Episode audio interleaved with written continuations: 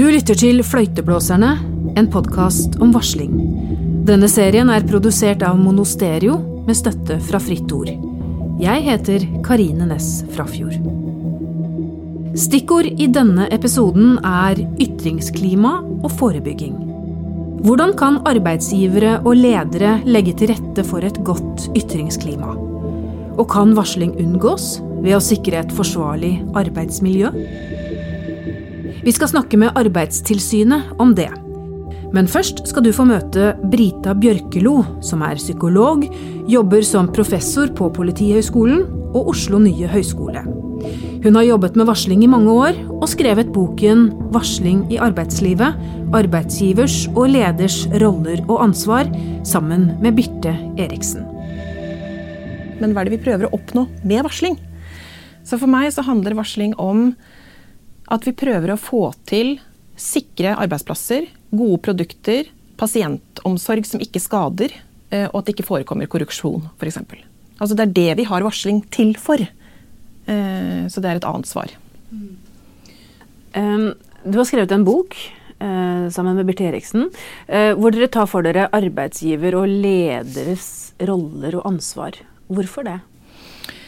Fordi uh, jeg opplever når man går inn i et fenomen som varsling, så har det i hvert fall historisk sett fram til i dag vært veldig mye fokus på den ene som sier ifra. Men noe av det vi tar opp i denne boken, er jo det vi prøver å å ta frem som organisasjonens legitime interesser. Altså Varsling er til for å sikre organisasjonens legitime interesser. Det være seg om det er et sykehus eller en bank eller eh, en institusjon som høyere utdanning. Og da er det ikke nok at du kun snakker med den enkeltpersonen. Altså det kan aldri være enkeltansatte. Det er aldri enkeltansattes ansvar å sikre en organisasjons legitime interesser. Så Derfor har vi vært opptatt av å få inn ledelse som, med den kompleksiteten det har, fordi at ledere er ikke en ensartet størrelse heller. De er lavest i organisasjonen, de er toppledere, de er mellomledere i skvis mellom politiske beslutninger og, og omsorgsbehovet til både sine ansatte, men også brukerne som de betjener. Det handler om at du kan eh, ha ulike nivåer av ledelse som gjør at din stemme faktisk ikke blir hørt, selv om du vil støtte dine. Men du har også et formelt ansvar for å forvalte varslingsinstituttet, sånn at eh, folk som kommer til deg, skal bli hørt og ivaretatt. Både den som blir sagt ifra om, og den eller de som sier ifra. Når man varsler, så selv om du sier at det handler ikke om enkeltpersoner som kan gjøre en forskjell, så er det ofte enkeltpersoner som varsler. Mm. Med den eh, byrden uh, det medfører. Mm. Um, enkelte tar til orde for at det er kanskje fagforeninger eller andre organisasjoner som bør varsle på vegne av enkeltpersoner. Hva tenker du om det?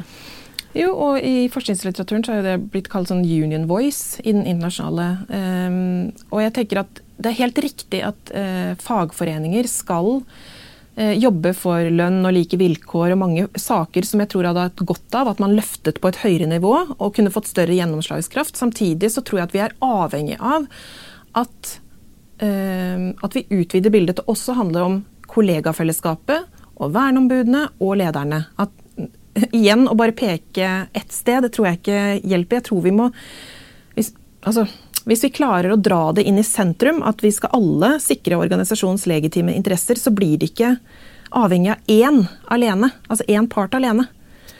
Uh, og jeg tror det må være en av måtene å gå fram, fordi det er så vanskelig også å bli enige om virkelighetsoppfatningen. Altså hvem er det som eier fortellingen? Er dette riktig eller er det galt? Men hvis man starter med ok, men hva er det vi er til for, da? Nei, Vi skal eh, ha produkter som er trygge å få på veiene i bilproduksjon. Ok, Her har vi en avdekket feil som gjør at det flere dør i eh, kollisjoner. Da er jo ikke det i organisasjonens legitime interesser. Og det skal man i utgangspunktet kunne være enig i, men så kommer alle disse andre faktorene som spiller inn på at det ikke nødvendigvis blir gjort noe med allikevel. Profitt, f.eks. Hva er den største utfordringen når det gjelder varslingsinstituttet i dag? Veldig godt spørsmål. Jeg tror at eh, på papiret så kan vi ha veldig mange gode intensjoner. Vi har veldig mange gode intensjoner, og det står også veldig eksplisitt hva man ønsker av f.eks. Yt ytringsklima på arbeidsplassen. Man skal ha eh, kunnskap om varslingsrutiner, man skal ha kunnskap om hva som er kritikkverdige forhold. Men jeg tror Eh, på slutten av dagen så er det hvor gode vi har vært til å trene. Hvor gode vi er til å øve, hvor gode vi er til å snakke om det her i hverdagen. For vi er veldig gode til å snakke om ting som ikke funker. på arbeidsplasser. er i hvert fall min eh, sånn generelle eh, Den eller den fungerer ikke, han eller hun har du hørt. Men, men, det å ta tak i de sakene for å gjøre noe med det, til tross for at vi har disse gode ordningene, det tror jeg er Vi er ikke så gode til å gjøre det vi sier at vi er opptatt av i lovverket.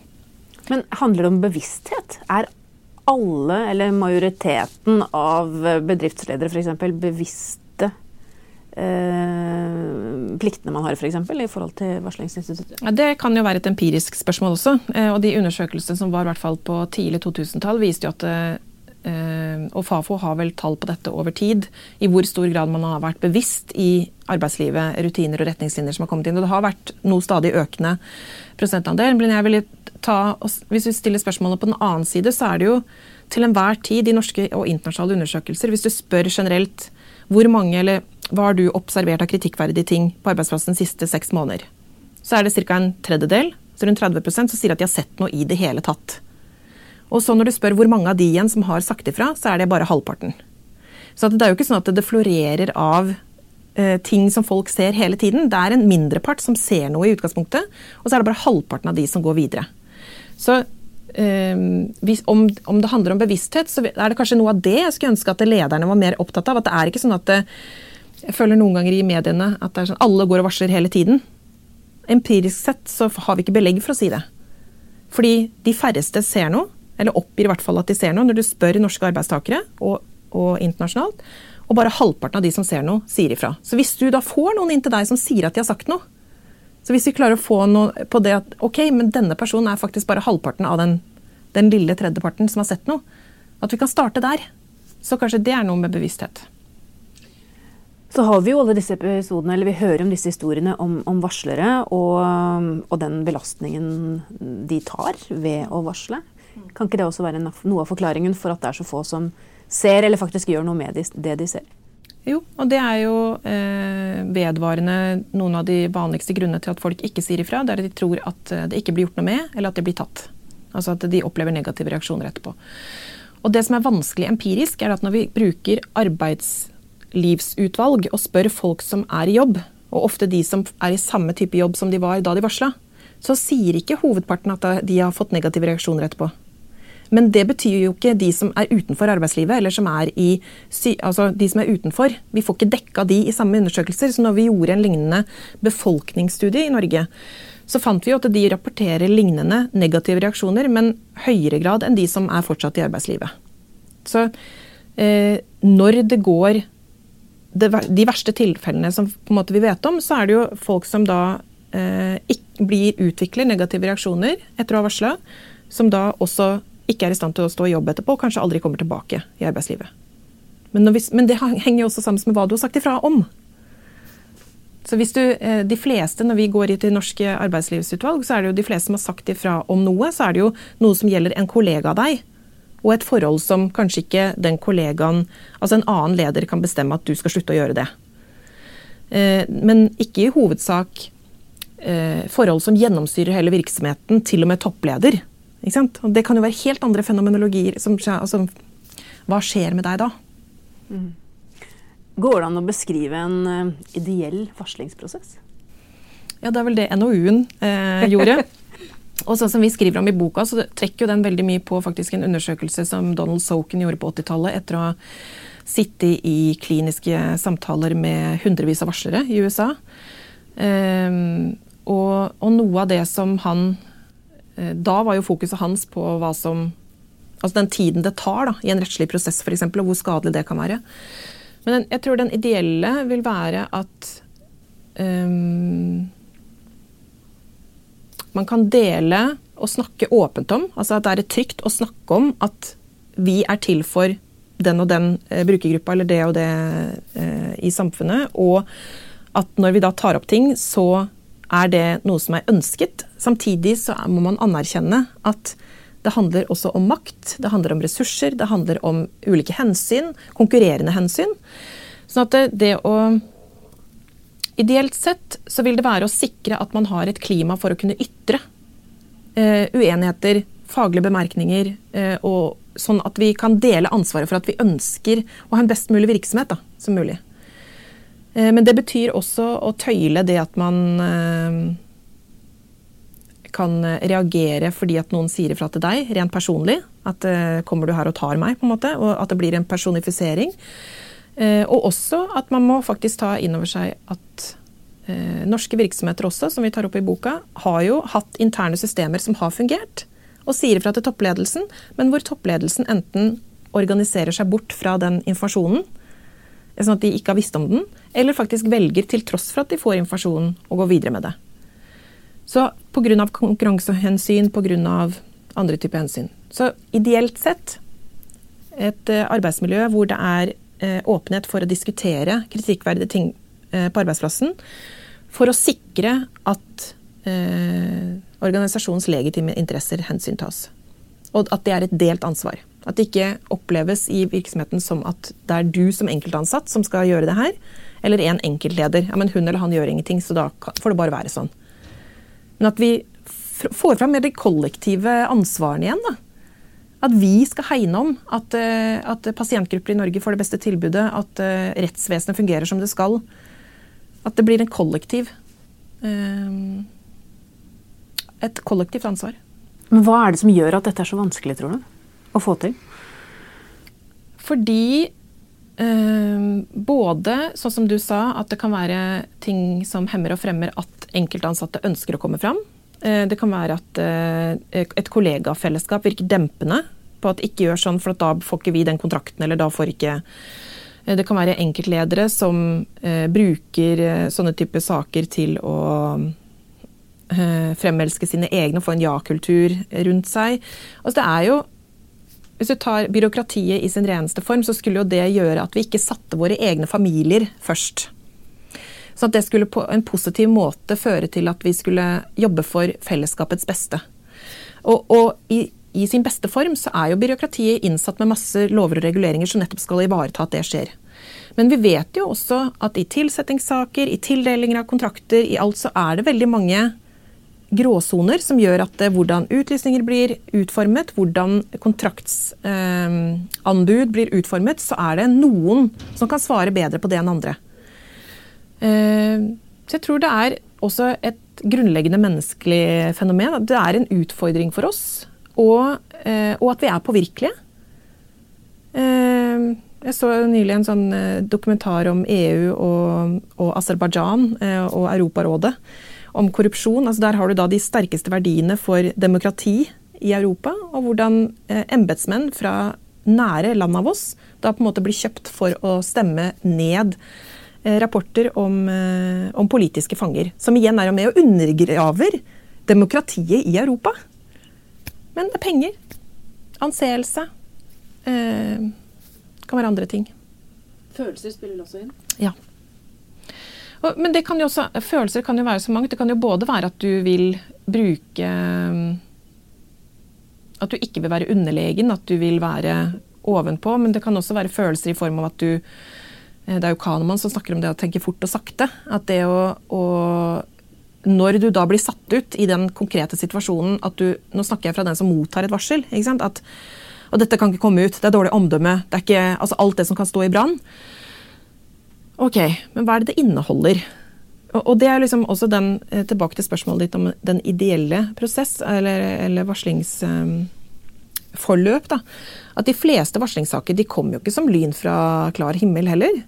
De fleste ansatte har jo prøvd gjentatte ganger å prøve å ytre og komme og si Men er det virkelig sånn at Så det er jo også snakk om lytting. Altså hvor lydhør er man egentlig for det som er der?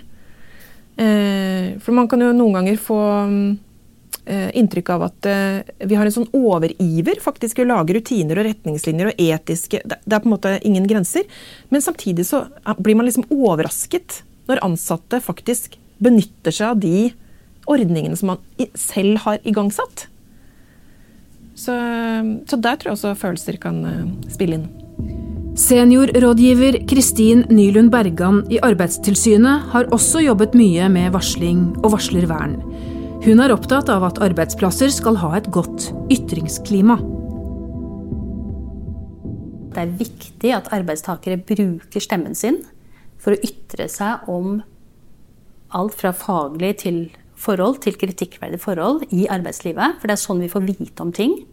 Eh, og det gjelder jo både for virksomheten selv, at hvis arbeidstaker tør å ytre seg om ting på arbeidsplassen, så får jo virksomheten selv vite om ting. Og det gjør også offentligheten, ikke sant? Eh, men for å tørre å ytre det, så må det gjerne være et godt ytringsklima.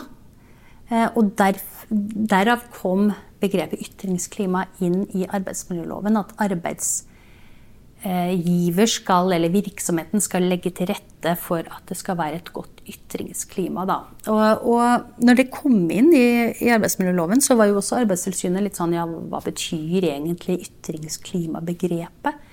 Eh, vi går til forarbeidene og leser at der står at det skal være høyt under taket for meningsutveksling og sånn. Men det var liksom ikke så veldig håndgripelig, dette med selve begrepet. Og, og så, så, har vi fått det definert nå, eh, sammen med en, en, forsker som heter Mira Sunagic. Eh, så, så, lagde vi på en måte en type definisjon, da, som, hvor ytringsklima da betyr egentlig psykologisk trygghet, altså at du tør å si ifra, pluss ytringseffektivitet, at det nytter å si ifra.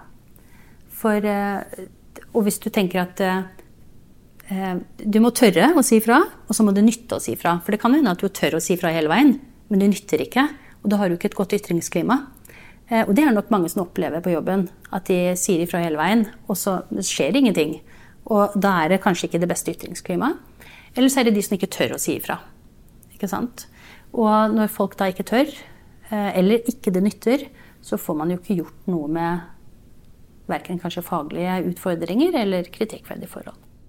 Men det er slått fast i lov at det skal være et godt ytringsklima på arbeidsplasser? Nei, ikke at det skal være, men at Nå husker jeg ikke ordlyden, men at det, det, eh, virksomheten skal legge til rette for, tror jeg ordlyden er. Eh, et godt ytringsklima. Så du skal jobbe for det, da. Og det er jo, og det jo, det er jo en, sånn, sånn, eh, sagt, en signalbestemmelse. Det er et viktig signal til virksomhetene at lovgiver ønsker at dere skal jobbe med ytringsklima. Eh, altså det er viktig. Eh, og da, ja. Hvordan spiller dette sammen med den lojalitetsplikten som eh, mange har? Ja, og den lojalitetsplikten er jo egentlig det er jo veldig interessant. For at eh, når uh, Igjen nå går jeg tilbake til det prosjektet som Arbeidstilsynet fikk av Arbeids- og sosialdepartementet. Så var jo vi da bl.a. ute og holdt veldig mange foredrag om varsling til virksomheter. Jeg tror vi holdt mellom 160 og 180 foredrag for, for virksomheter. Og de var lagt opp sånn at vi hadde eller vi kalte det seminarer. De var lagt opp eh, på tre timer, sånn mer eller mindre. Og da snakka vi om hva er varsling, hva er ikke varsling. For det har vært veldig mye misforståelse hva det er. Så liksom, da slår vi fast hva er varsling, og hva er ikke varsling. Eh, og så bolk nummer to handla om hvorfor har vi et regelverk om varsling. Og når Arbeidstilsynet begynte på liksom, å snakke om bolk nummer to, da, liksom, har et, eh, hvorfor har vi et regelverk om varsling, så, så er det sånn at eh, det er to hovedbegrunnelser i norsk internasjonal lovgivning på dette. Og det er at eh, du har ytringsfrihetsperspektivet, og så har du det at du ønsker å avdekke kritikkverdige forhold i, i samfunnet. Og når vi begynte å snakke om dette med ytringsfrihet til eh, både arbeidsgivere, arbeidstakere, verneombud, tillitsvalgte og sånn, og hvor viktig det var at arbeidstakere kan uttrykke seg politisk, moralsk, faglig, skrive leserinnlegg hvis det er noe og ytre seg om kritikkverdige forhold, så gikk det ikke så lang tid før eh, noen rakk opp hånda og sa ja, men vi har jo, vi har jo ikke lov til å si det. Ikke sant? Vi har, vi har eh, eh, lojalitetsplikt.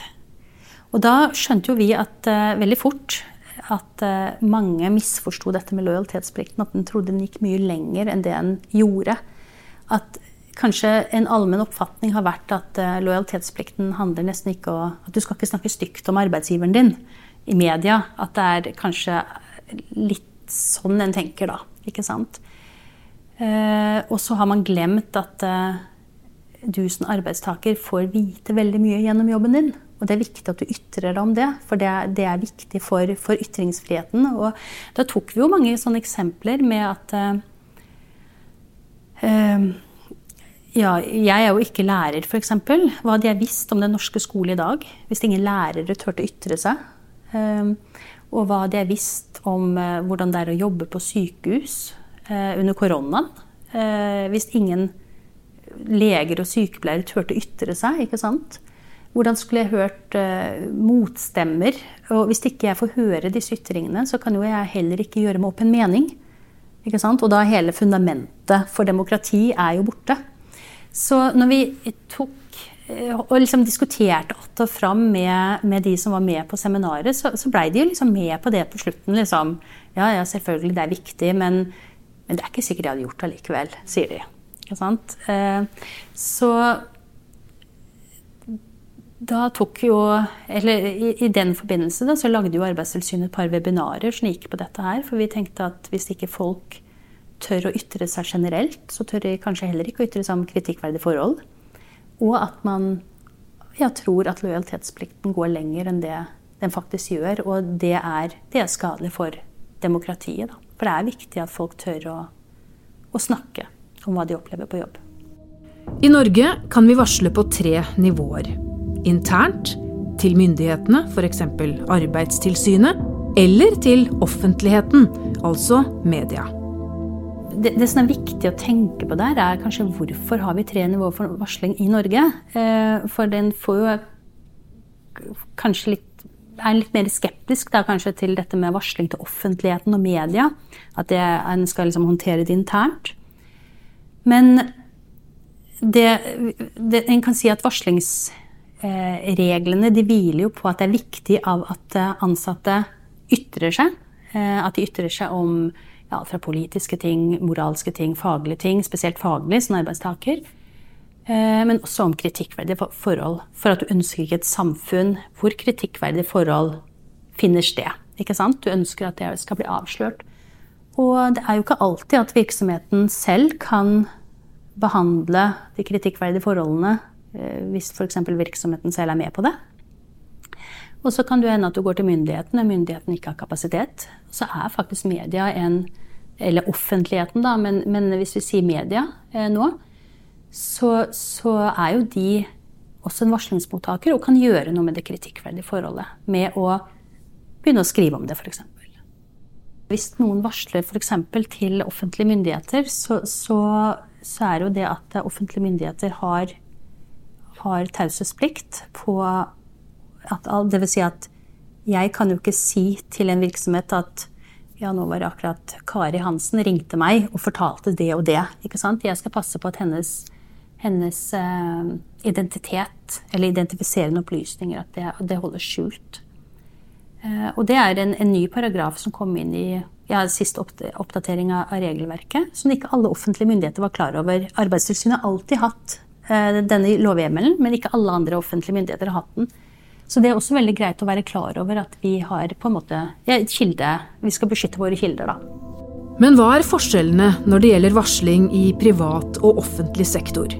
En undersøkelse fra Fafo viser at offentlig ansatte vurderer sine ytringsbetingelser dårligere enn de som jobber i privat sektor. Det er også interessant, egentlig. At som er ansatt i i det private opplever ytringsbetingelsene sine som bedre enn de i det offentlige. Og at uh, tallene går feil vei. Da. At uh, fra forrige undersøkelse fra Fafo så, så, så har en nå opplever arbeidstakere at det er, er, verre å ytre seg. Ytringsbetingelsene er verre. Hvorfor er det forskjell på privat og offentlig sektor, tror du? Vi, vi vet jo ikke hvorfor det er forskjell på privat og offentlig sektor, men det, det vi har diskutert litt, er jo kanskje at, eh, at offentlig sektor er, er, mer kompleks. Eh, de er gjerne store organisasjoner. Eh, det kan være et element.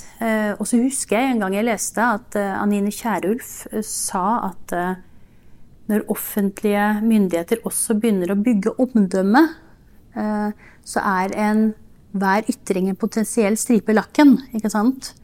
Så og så er det jo interessant da at uh, hvorfor har det offentlige begynt å bygge omdømme? Um, når, når, begynte vi med det? Um, og hva er på en måte kanskje forskjellen på det og tillit? Um, skulle vi ikke bygge tillit? Er det å bygge tillit det samme som å bygge omdømme? Ikke sant? Eh, så jeg, jeg vet ikke. Så er det vel noe, kanskje noen sånn mekanismer, sånn kanskje litt sånn triste psykologiske responser. At vi liker ikke at det snakkes kritikk. Ikke sant? Eh, du vil at den virksomheten du jobber i skal skinne, kanskje. Eh, og så betyr jo ikke det samme som at eh, at det ikke skal være at ja, og det, det, det, er det det blir vanskelig, da. For det, er jo nesten en øvelse. Du må, du må nesten øve deg på å tenke at, at, stemmer kommer fram. Det er nødvendigvis ikke negativt, det er til og med positivt.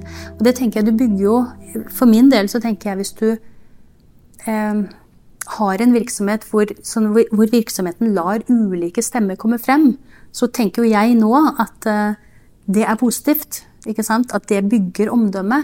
Men jeg tror kanskje responsen sånn rent psykologisk kan være sånn at nei, vi liker ikke at eh, at, at ytrer seg, for det kan hende at det fører til dårlig omdømme. Men jeg vet ikke om det er eh, Det skulle kanskje vært forska litt mer på. Jeg tenker kanskje at Er det liksom gammeldagse holdninger som kanskje er i ferd med å snu? I hvert fall i privat sektor?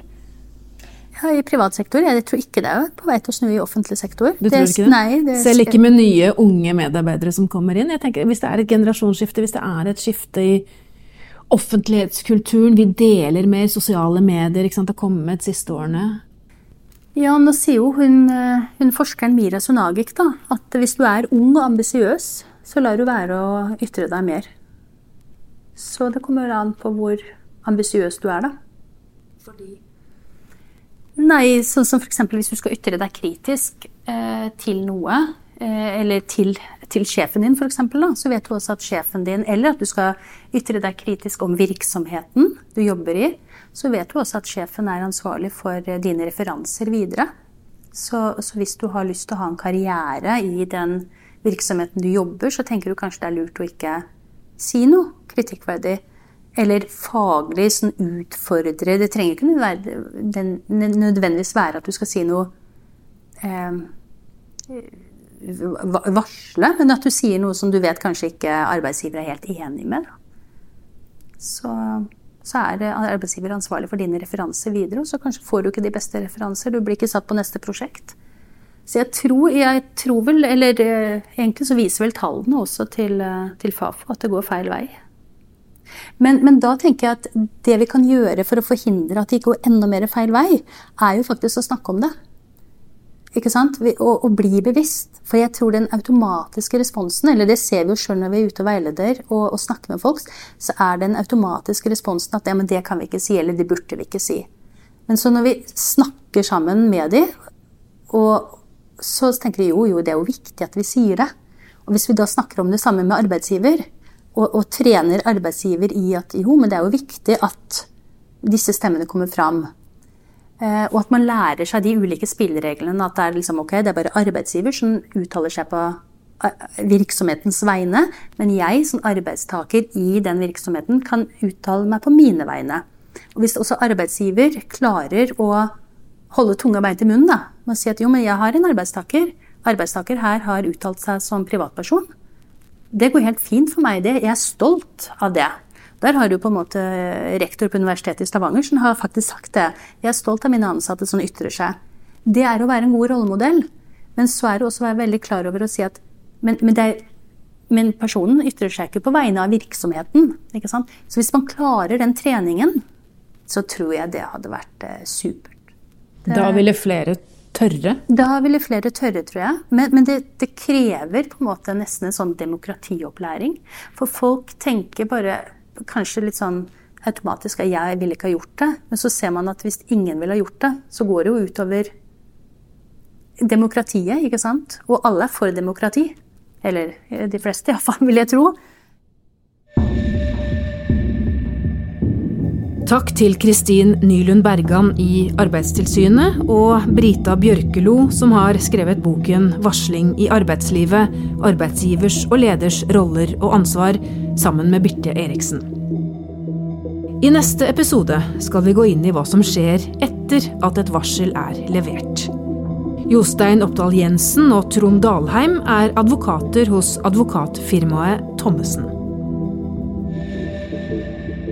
At det å, gjen, å si, undersøke et varsel og stå i en varslingssak, er jo veldig krevende. Det er veldig krevende for varsler, det er veldig krevende for arbeidsgiver, og da tenker jeg særlig på den personen som faktisk representerer arbeidsgiver og sitter der og må håndtere det, og kanskje sitte tett på saken og personene det gjelder. Eh, det kan være ganske tøft å, å sette merkelappen varslingssak og, og, rulle i gang det. Så det kan jo være en grunn til at man vegrer seg for å, for å gå inn i det sporet. Da. Fordi det er, det er krevende. Ja, mange, og det kan ofte være ganske opprivende, for mange varslingssaker på arbeidsplassene dreier seg jo typisk om de mellommenneskelige relasjonene. Det kan være påstander om trakassering, seksuell trakassering. Det griper jo inn i konflikter mellom ansatte på arbeidsplassen. Og det der eh, kan bli ganske betent og gjøre at det er ja, krevende å, å, gå inn i det. Og krever mye av den som krever mye av den som skal undersøke det, det krever mye av den som har varslet om det, men det, det, er jo åpenbart også store konsekvenser for den som får et sånt varsel rettet mot seg. Alvorlige påstander. Du har hørt Fløyteblåserne, en podkast om varsling. En serie i ti deler, produsert av Monostereo med støtte fra Fritt Ord. Lyddesign er ved Frode Ytterarne. Konsulenter er Kine Smith Larsen og Torgeir Waterhouse. Jeg heter Karine Næss Frafjord.